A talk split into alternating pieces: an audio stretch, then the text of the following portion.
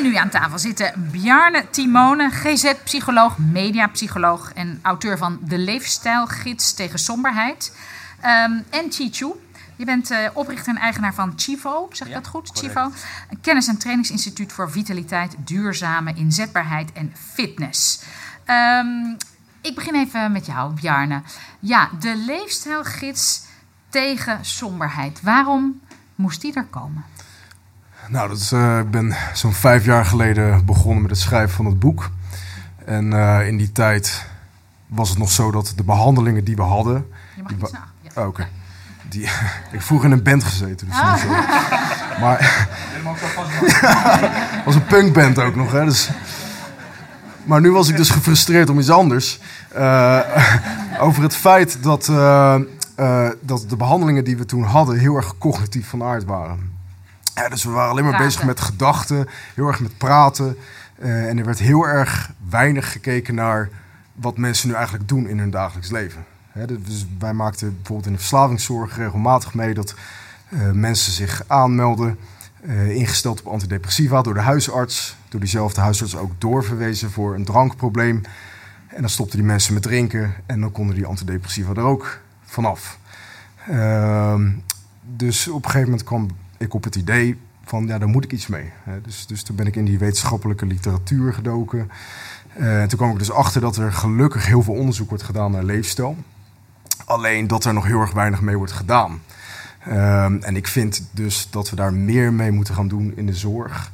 Omdat ik denk dat dat minstens zo'n groot effect gaat hebben als al die cognitieve Ja. interventies. Maar is het, is, zijn het ook niet de dingen die je eigenlijk allemaal wel weet? Hè, dat het natuurlijk beter is, dat je beter voelt als je inderdaad niet drinkt, als je beweegt, aan sport doet, als je je rust neemt, je telefoon eens een dag weglegt, gezond eet. Zijn dat niet dingen die we eigenlijk wel weten, Nee, maar niet doen, omdat ons brein nou helemaal zo in Nee, elkaar nee, dat overschat je echt. Dat overschat je echt. Kijk, kijk, we zitten hier in Amsterdam, veel hoogopgeleide mensen. Eh, hè, binnen de, de, de ring van Amsterdam weten mensen dat inderdaad. Soms weten ze het iets te goed, zelfs vind ik. Ehm, Beter dan jij. Orthorexia noemen we dat. Maar, Ehm, maar ik heb bijvoorbeeld ook in Spijkenisse gewerkt bij, bij, bij, in de buurt van Rotterdam. Daar weten mensen gewoon echt niet wat gezond is. Dus daar staan ze echt van te kijken. Dus wij gaven daar leefstijltrainingen met hele basale dingen. Hè, dat je wat meer groente moet eten, dat je aan je slaaphygiëne kunt werken. Eh, en dat was nieuw voor ze.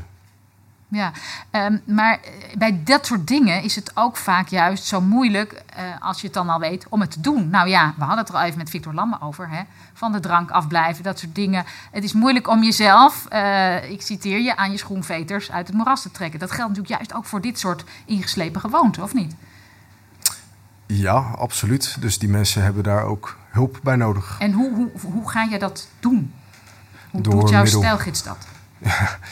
Ehm, door, eh, door die informatie begrijpbaar te maken. Heel veel van die wetenschappelijke informatie is eh, gewoon niet begrijpbaar voor de leek.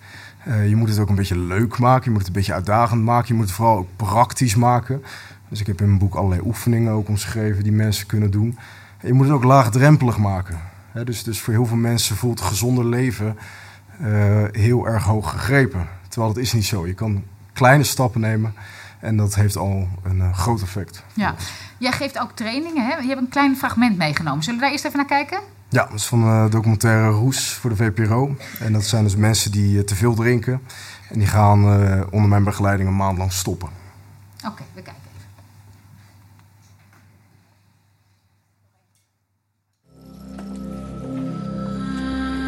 Onze derde bijeenkomst. Het lijkt erop dat er nog geen uitvallers zijn. En tot mijn verbazing houd ik het zelf ook nog vol. Welkom allemaal, derde sessie. Ja. Eh, drie weken erop zitten. Ik ben benieuwd of het nog steeds zo goed gaat met jullie. energiek, eh, minder slaap nodig. eh, ik voel me goed. eh. Heerlijk, volgende ochtend opstaan en dan niet dat schuldgevoel. Ik heb altijd een schuldgevoel gehad. En eh, mijn, mijn, mijn, mijn dozen staan nu even werkeloos eh, in de kast. Die hoef ik niet meer, ik hoef geen flessen meer bij te vullen. Dus en dat is heel prettig. energiek, ik slaap goed. Ik krijg steeds meer eh, zin weer om eh, te sporten. Vorige week was ik echt stikzagrijnig ervan. En ik merk wel dat de mentale weerstand nu wel een beetje minder is geworden, zeg maar. Het uitstelgedrag is verdwenen van oh, dat doe ik straks wel of doe ik morgen wel. Of inderdaad in het weekend. Ik doe het gewoon op het moment als ik eraan denk, ga ik dingen doen. Nou, bij mij is het helaas tegengesteld aan al deze verhalen. Ik ben continu hartstikke moe. Eh, ik vind het moeilijk. Ik heb er de hele week zin in. Ik, snak naar een borrel. Eh, voor mij reden om te besluiten dat ik eh, een doorstart ga maken. En dat ik van de maand een kwartaal ga maken. Want ik wist wel dat ik verslaafd ben, maar het zit wat dieper dan ik had gedacht. Ja. Eén één iemand die nog wat langer moet blijven, maar die anderen hebben eigenlijk na drie weken al effect. Wat, wat voor, kun je een paar praktische eh, dingen noemen hoe jij deze mensen hebt geholpen om drie weken van de drank af te blijven? Eh, nou, ik heb ze geholpen om de aannames die achter het alcoholgebruik lagen bij hen eh, uit te dagen.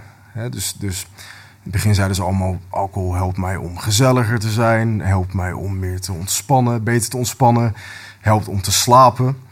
Ehm, en na verloop van tijd kwamen zij er dus achter dat het niet het geval was. Sterker nog, dat zij beter sliepen, dat ze gezelliger waren, dat ze socialer waren, dat ze er meer voor hun kinderen waren. Ehm, dus dat die aannames die we hebben rondom die ongezonde leefstijlgewoonten, dat die vaak dus niet kloppen.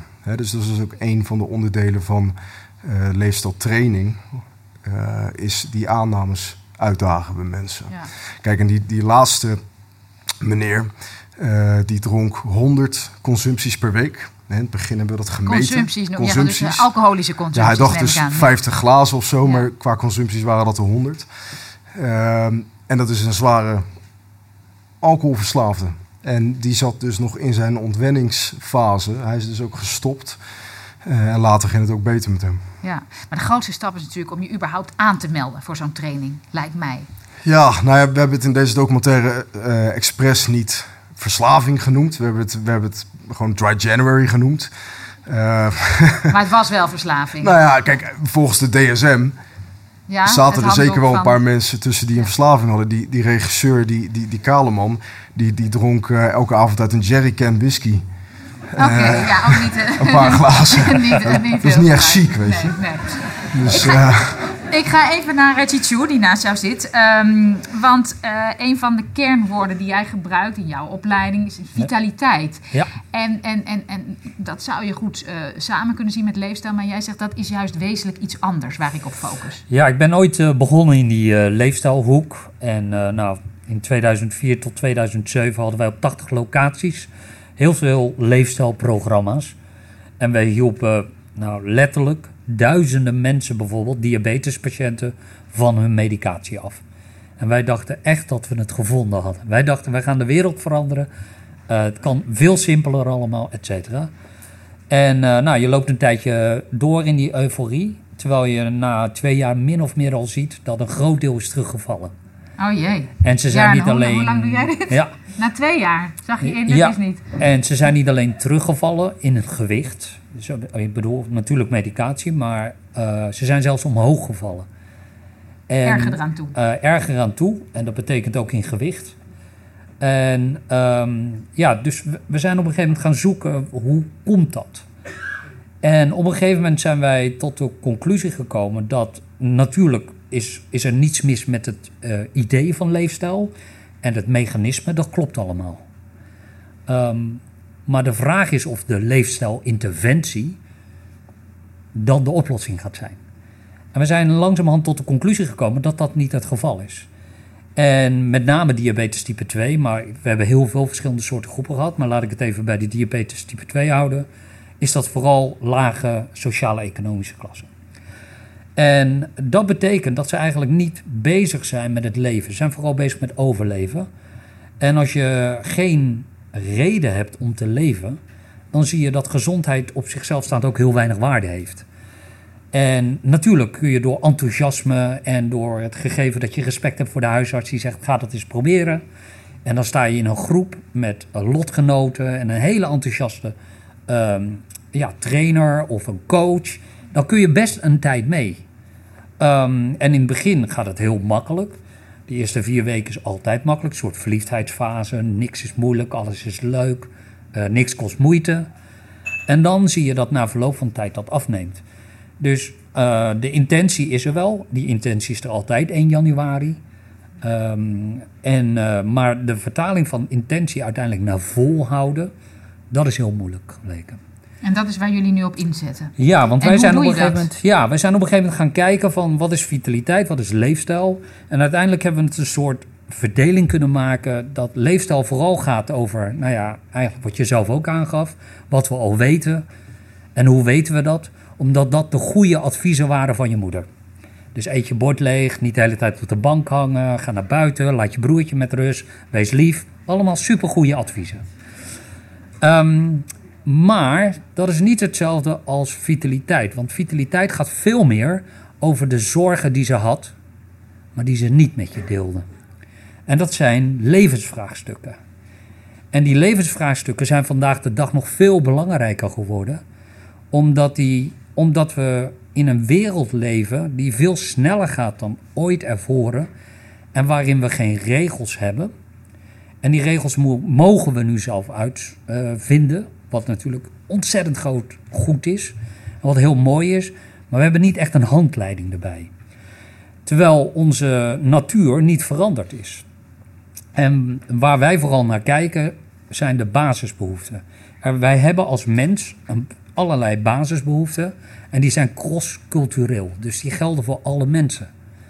Eh, een aantal zijn natuurlijk zijn? biologisch natuurlijk. Je moet eten en je moet slapen enzovoorts. Maar daarnaast heb je ook een aantal psychosociale ehm, eh, behoeften. En een van de belangrijkste is, ehm, is, is binding. En die kan je opsplitsen in twee dingen. Namelijk dat we allemaal een diep verlangen hebben om tot een groep te willen behoren. En de tweede is dat we goed willen functioneren binnen die groep. En die behoefte zit ontzettend diep. Maar we zitten nu in een maatschappij waarin we autonomie op één hoop gooien met het woord zelfredzaamheid en met individualisering. Die drie hebben helemaal niets met elkaar te maken. Autonomie, daar is al 40 jaar onderzoek naar gedaan. Dat betekent helemaal, heeft helemaal niets met eh, zelfredzaamheid te maken. Sterker nog, ik zou durven stellen dat als je niet zelfredzaam hoeft te zijn, dan ben je autonoom. Ja. Ja? Jij hebt dus een kritisch, kritisch beeld over de maatschappij. Eigenlijk zoals we dat eerder ook hebben. Die participatie, eh, het allemaal zelf moeten doen. Ehm, eh, mensen hebben juist behoefte om eh, weerbaarder te worden. En ja, eh, eh, te zoeken naar dingen die ze echt gelukkig maakt. En dat is binding, zeg jij. Zorg dat je bij een groep hoort. Ja. Ehm, en, en, en jij zegt, we hebben te maken met een groep... eh nou, je Nou, we hebben is, is Ja. diabetespatiënten, eh, een laag sociaal milieu. Jij zegt, die vallen met die leefstijlregels buiten de boot, maar wij leren ze dus iets aan waardoor ze wel het volhouden, waardoor ze wel zich eh, ja, gelukkig voelen en Nou, het ja. volhouden. Dat zit hem dus in die omgeving, wat Victor Lamme al, ook al zei. Maar hoe, hoe, hoe doe je dat op een, op Nou, een dit is deels. kennisinstituut? Ik kan bijvoorbeeld eh, aanhaken op het verhaal van Ab Klink en eh, logotherapie. Ehm, in de basis komt het erop neer dat we eerst moeten gaan begrijpen wat een goed leven is. Wat is nou eigenlijk een goed leven? Wat is een goede relatie? Maar wat is een goede, goede relatie? Wat is een. Ehm, we zitten nu in een generatie waarbij mensen zeggen: Nou, monogamie, is dat, is dat voor mij? Dat, dat was natuurlijk 30 jaar geleden ondenkbaar. En nu, als het wel wat voor je is of niet wat voor je is, wanneer weet je dat je een goede keuze maakt? Wat is überhaupt een goede relatie? Er is heel veel veranderd. Vroeger, als je ging scheiden, was het een schande. En nu, als je bij elkaar blijft, is het een schande. Eh, dus kennelijk is er het een en ander veranderd. Maar wanneer is scheiden dan goed en wanneer niet? En we moeten dus dat soort dingen moeten we eerst gaan uitzoeken. En dat is wat jullie doen. Want eh, ik vind dit heel mooi, maar Ja. dit klinkt heel filosofisch bijna. Terwijl ik denk, jullie zijn een opleidingsinstituut. Als je je bij jullie aanmeldt, Heel wat, veel data wat voor. leer je dan? Er is heel veel data voor. Allereerst nee, wat, snap ik. Maar wat leer je als je bij jullie... van, ik zit in de problemen en ik wil een ander, ander, ander leven. Ja. Eh, ik wil me weer goed gaan voelen. Ja. Wat, wat leren jullie de mensen? Hoe ziet zo'n Nou, cursus eruit dan? Nou, wat je heel vaak ziet is dat mensen allerlei soort van eh, lichamelijke klachten hebben die wat, wat ondefinieerbaar zijn. En sommige zijn zelfs van chronische ar- aard. Dat zijn zelfs eh, zeg maar de SOLK-patiënten. Somatisch onvoldoende verklaarbare lichamelijke klachten. En dan, je vindt niks in het bloed, je vindt niets in nou, foto's, et cetera. Ze hebben pijn, vermoeidheid, gastro-intestinale klachten, eh, migraines enzovoorts. En we vertellen, nou, wat is er allemaal eh, aan de hand? Nou, we kunnen niks vinden enzovoorts. Dus volgens de arts is er niets aan de hand. En die persoon zegt, luister, ja, maar ik heb pijn en ik heb dit. En het eerste wat we zeggen, nou, ik, neem onmiddellijk aan dat je dat hebt. Eh, maar zou je mij kunnen vertellen waarom dat jouw lijf niet overtuigd is? En dat is, daar gaan ze natuurlijk nooit antwoord op geven. Dat is ook niet de bedoeling van de vraag. Maar wat je krijgt is dat mensen, dat ik het weghaal uit het psychosociale deel. Omdat dat is het laatste wat ze willen horen. Dus als ik vertel wa- waarom is je lijf niet overtuigd, dan uiteindelijk zeggen ze ja, dat weet ik eigenlijk niet. En dan ga je de tijd nemen om te zeggen, vind je het goed als we dat eens gaan verkennen. Dan ga je kijken naar bedreigingen. Het lichaam reageert op bedreigingen. Dat zit heel diep. Uh, wij, ons lichaam maakt constant voorspellingen. En op basis van zo'n voorspelling krijg ik een behoefte. Dus als ik de behoefte heb om te eten, is dat in principe een voorspelling omdat ik energietekort ga krijgen. Nou, je hebt heel veel van dit soort voorspellingen en we hebben ook heel veel voorspellingsfouten.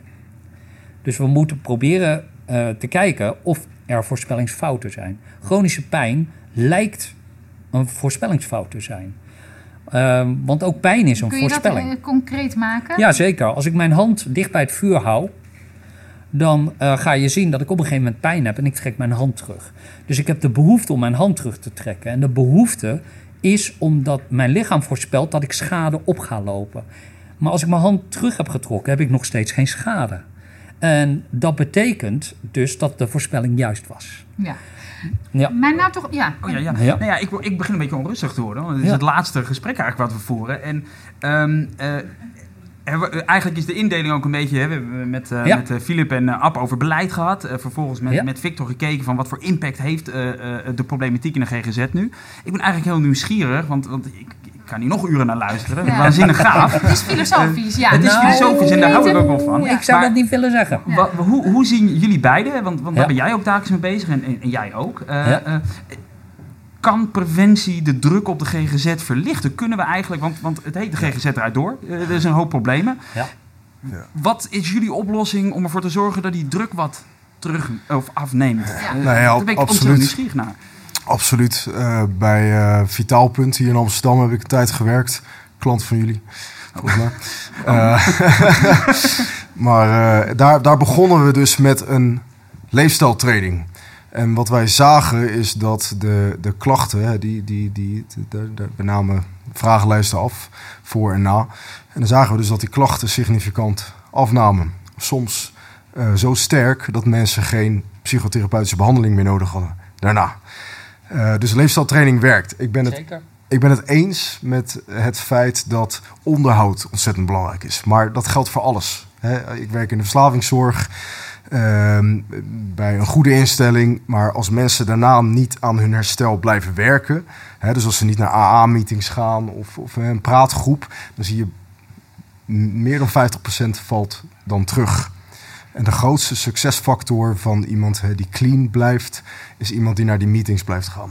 Ja. En dan heb je natuurlijk weer over die sociale Dus, cohesie. ja, de hè, verbinding. die- En bij een groep horen. Precies, maar het geheim zit, er, zit, er, zit hem erin dat je middels die sociale cohesie eh, die interventies kunt voortzetten. Ja. Hè, dus het is ook belangrijk dat, dat je niet zomaar in een groepje gaat zitten praten. Nee, het moet een thema hebben. Hè, de, de, de, de, de- de- ehm, het moet een bepaalde richting hebben. Ja, grappig, want die sociale cohesie is ook iets wat Philip Delespal aan, eh, aanstipt. Hè? En in die wijk, je moet niet alleen behandelen, Victor, maar ja, Hè, dat, precies. dat netwerk rondom Ja. een persoon is belangrijk. Jullie hebben, jij hebt nog ook een heel, ehm, behalve die training doen, ook een heel praktisch eh, voorbeeld. Lekker praktisch. Jij hebt Finse roots, begreep Ja. ik. En jij zegt wat mensen ook nodig hebben, zijn goede hobby's. En daar zijn de Finnen goed in. Vertel. Ja, nou kijk, kijk je hebt nu natuurlijk nu de hele eh, biohacking scene. Hè, dus, dus dat je, hoe je zo gezond en zo optimaal mogelijk kunt leven. Maar als mens is het af en toe ook belangrijk om af en toe iets onbenulligs te doen. Weet Ja. je? Dat hoort bij het mens zijn. Lummelen. Eh, precies. Ja. En eh Finnen zijn daar meester in. Zijn ze Eh, daarom misschien het gelukkigste land Nou, ter wereld? dat denk ik dus wel dat het een rol speelt. Eh, ze zijn heel goed in het eh, uitvinden van eh, Zijn totaal... De gelukkigste mensen van... eh, Ja, ja, die scoren. Die staan altijd op één. eerst, toch? maar, oh, oh, eh, Noorwegen. ik dacht Nee, nee, nee, nee, nee, nee. Ja. Oh. Finland staat al twee jaar op rij op nummer 1. Oh? Ah, ja. Volgens de VN. Oh, ik Ja, dacht dat, dat die, die donkere winters mensen ook al een beetje daar depressief maakten. Ja, precies. Maar dan hebben ze dus hobby's gevonden. Ja. Oh, we nu naartoe. Oké.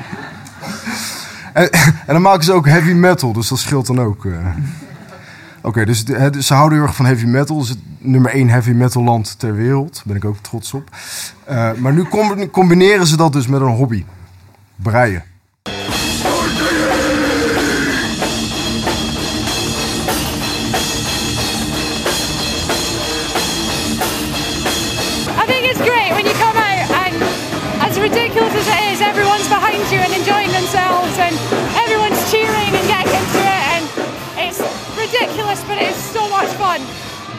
Should do this.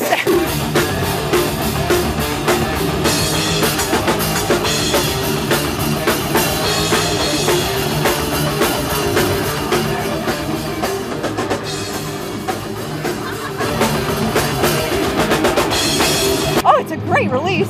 It's great. It is. It's really. Ja, nou, eh, misschien iets om te vergoeden. Ab Klink, hè? Binnen dus weer het basispakket. Ja.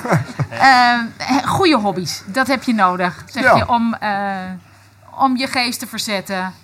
Om af te komen van die angsten. Eh, ik wil even kijken of er vragen zijn aan jullie in de zaal. Zijn er nog mensen die iets willen weten over leefstijl, vitaliteit? Helemaal niks. Nee, Jarno, wil jij nog iets... eh, Nou ja, ik, ik ben ook nog wel, de vraag die ik net stelde, ook wel, eh eh, Chi, eh, hoe, hoe zie jij, eh, eh, zeg maar... preventie. Huh? Preventie. Ja, ja, ja, precies. Ja, ja, ja. Zeker. Ja. Nou, we hebben best wel wat te maken met. eh, we hebben geen, geen direct contact met de GGZ. En dat is ook niet echt nodig, want we hebben het eigenlijk druk zat. Maar wij krijgen heel veel mensen die of in een wachtlijst zitten of al zo'n traject hebben doorlopen. En een deel kunnen we helpen en een deel eh, niet. Maar deel wat we kunnen helpen blijkt heel vaak niet echt thuis te horen in de GGZ. Dat is al vaker eh, vastgesteld. En die zitten ook wederom met levensvraagstukken. Ehm, en, eh, en in Nederland doen we het helemaal niet slecht. Ik bedoel, we hadden het net over de happiness eh, index van de VN. Nederland staat gewoon nummer 6. En de, beste voorspeller van eh, geluk is gewoon welvarendheid. Laten we even wel wezen. Toen Griekenland in, in een recessie kwam, daalde onmiddellijk het geluk met hele grote sprongen. Ehm, maar die levensvraagstukken, nogmaals, het is niet eens filosofisch. Het lijkt filosofisch, maar er is zoveel data en zoveel, eh, zoveel onderzoek al naar gedaan. eh, dat als we kijken naar randdingen, we kijken altijd naar randzaken feitelijk als zingeving, passie en succes. Dat zijn eigenlijk randzaken. Maar als je kijkt wat onder die drie liggen, zijn dat eigenlijk drie belangrijke basisbehoeften. Dat is namelijk één, een behoefte aan autonomie, een behoefte aan die sociale relaties en een behoefte aan meesterschap of iets kunnen. Ehm, en de combinatie ervan zorgt ervoor dat we streven naar erkenning. Dat we bezig zijn met eigenwaarde. Maar dat zijn alleen maar symptomen van gebrek aan die basisbehoeften. Het gegeven dat wij al lang niet meer in, als oermens rond hoeven te lopen, wil niet zeggen dat wij dat niet, dat we niet nog steeds die basisbehoeften hebben. En wat je ziet is als die basisbehoeften bevredigd zijn, in relatie bijvoorbeeld tot gezondheid en volhouden, dan zie je heel duidelijk dat het, ehm, dat het volhouden veel beter gaat. Dat wordt doorgaans gecorreleerd met meer dan twee jaar lang volhouden. Terwijl als dat niet goed op orde is, dan is dat korter dan zes maanden. En dat begint al met het gegeven dat wij eh, in de zorg, bij de screening, al niet het verschil niet kunnen zien of de motivatie, eh, die relatie kunnen leggen tussen de motivatie en die basisbehoeften. Ehm, eh, ja. In de screening zoals nu in de GGZ gebeurt, zeg je. In zijn algemeen, Als we dat goed zouden screenen, dan zouden veel meer mensen die nu eigenlijk in een soort eh, ziektesysteem, hè, GGZ belanden, gewoon bezig, zouden, moet, bezig moeten zijn met leefstijl, met hoe zorg ik dat mijn leven weer zin, zin krijgt. En Ja. dat zijn dingen die eigenlijk niet thuis horen in de GGZ, zeg je. En daar kunnen jullie wat betekenen. Ja. Zeker. Ja, maar ik denk dus dat het, ik denk dat het wel thuis hoort, ook in de GGZ. Hè, want ook als je in hulp, als je hulp krijgt, zijn dit soort vragen van belang natuurlijk. Jij zegt het moet samengaan. Want je kan niet iemand behandelen voor een verslaving als je niet tegelijk zijn leefstijl verandert. Eh, nee, precies. We moeten gewoon veel holistischer gaan kijken. Het enige is dat er ook een hele populatie is die inderdaad niet voldoet aan die DSM-criteria. eh, en misschien niet psychisch ziek is wat dat dan gaat, maar wel heel veel baat kan hebben bij een coachingstraject. Ja. Ik denk alleen wel dat we goed onderscheid moeten gaan maken tussen wat geschikt is voor coaching en wat geschikt is voor de GGZ. Eh, ik ben er niet voor dat we eh, ernstige depressies bij coaches eh, eh, ehm, door coaches gaan laten behandelen. Daar ben ik Nee, niet voor. nee, ik ben er ook niet ik neem voor. aan dat jij daar eh, het volledig mee eens bent. Nee, daar ben ik zeker mee eens. Ja. Maar ik ben ook voor dat we SOLK, hè, dat we dat ook door GGZ-professionals laten behandelen. Ja, en dat was we, het ook weer? Somatische? Onvoldoende verklaarbare lichamelijke klachten. Oké, ja, ik had hem Ja. even niet paraat. Ehm, eh, en, maar dat we ook gewoon veel, meer- veel meer gaan samenwerken. Want wij, hè, wij, de GGZ kan iets leren van bedrijven als van eh, eh, Chivo. Ehm, andersom denk ik ook dat, dat, dat de GGZ moet wel de standaard blijven voor echt, echt psychiatrische aandoeningen. Oké. Heb je voldoende antwoord op je vraag? Ja, Oké, jawel. ja. Nou, dan wil ik jullie heel erg bedanken voor jullie bijdrage. Chichu en Bjarne Timone. Hartelijk dank.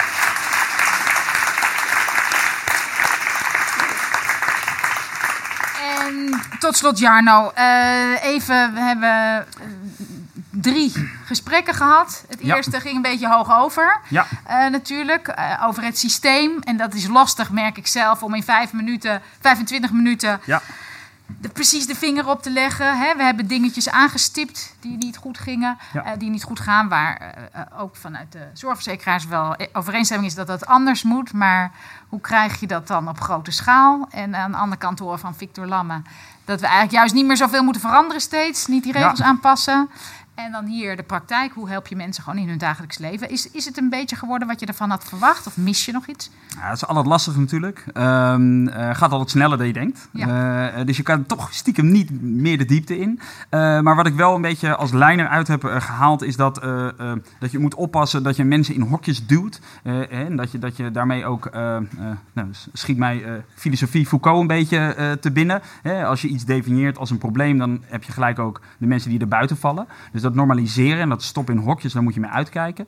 Ehm, en dat sociale netwerk ontzettend belangrijk is. Om dat mee te krijgen. Om, om, om, om of gedragsverandering of om eh, eh, nou ja, psychische problematiek aan te pakken. Ehm, eh, wat ik wel denk op een hoger niveau, dat hebben wij ook wel gemerkt in, in de GGZ. als je bijvoorbeeld kijkt, het systeem heeft wel degelijk invloed op waar bijvoorbeeld innovaties gaan vliegen en waar niet. Ehm, eh, dat zie je bijvoorbeeld in de huisartsenzorg. Daar, daar is een, een, een financiering voor e-health eigenlijk vind ik wat beter geregeld dan eh, bij de GGZ. En je ziet dat in huisartsenzorg die innovatie ook, ook veel meer eh, vliegwiel krijgt. Ehm, dus ik zou zeggen, eh, niet, Victor, wees niet bang het hele systeem omgooien, maar dat hoorde ik van App ook. Maar daarbinnen toch wel naar prikkels zoeken om, om innovatie wel nou, die druk op die zorg wat te laten afnemen.